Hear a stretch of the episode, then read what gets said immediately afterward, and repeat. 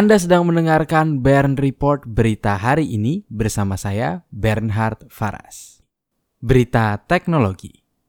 Berita pertama, remaja Indonesia buat penelitian nanopartikel di AS. Dua siswi asal Jakarta International School, yakni Alicia Chan dan Aileen Bahtiar, melakukan penelitian teknologi nanopartikel. Penelitian mereka menghasilkan beberapa penemuan. Pertama, material anti air Penemuan ini dapat diaplikasikan untuk menambal segala permukaan yang rentan dengan air, seperti atap rumah yang bocor. Kemudian, penemuan alternatif pengawet untuk mengganti pengawet biasa, sehingga dapat mengurangi efek berbahaya bagi kesehatan. Berita kedua, Google Maps menambahkan beberapa fitur baru. Google Maps merayakan ulang tahun ke-15. Pada kesempatan ini, Google Maps menambahkan beberapa fitur baru seperti augmented reality, pembaruan layout, hingga desain ulang beberapa fitur.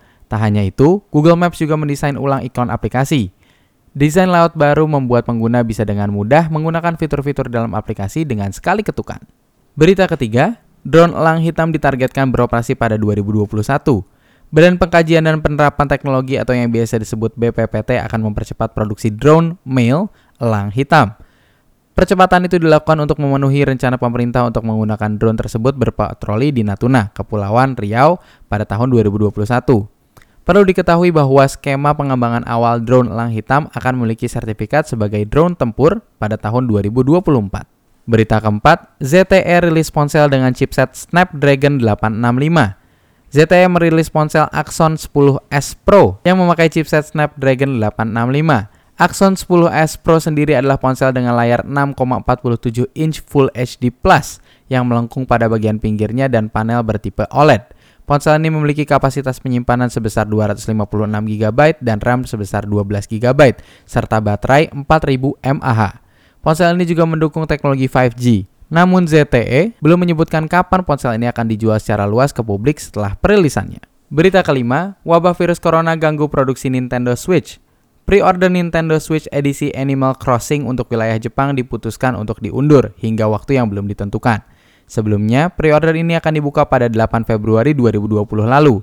Selain itu, Nintendo juga mengatakan produksi controller Joy-Con untuk Switch dan aksesoris untuk game Ring Fit Adventure juga mengalami penundaan. Seluruh perangkat tersebut saat ini diproduksi di Cina. Namun, Nintendo mengatakan gangguan produksi ini hanya akan mempengaruhi pasar domestik di Jepang.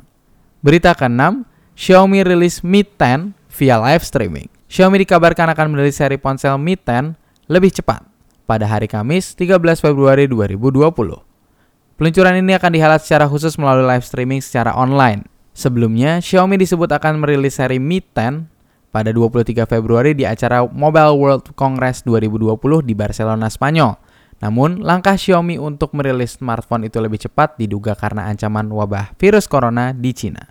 Untuk teks dan sumber berita selengkapnya dapat Anda lihat di website www.bernhardfaras.com. Terima kasih sudah mendengarkan Bern Report berita hari ini.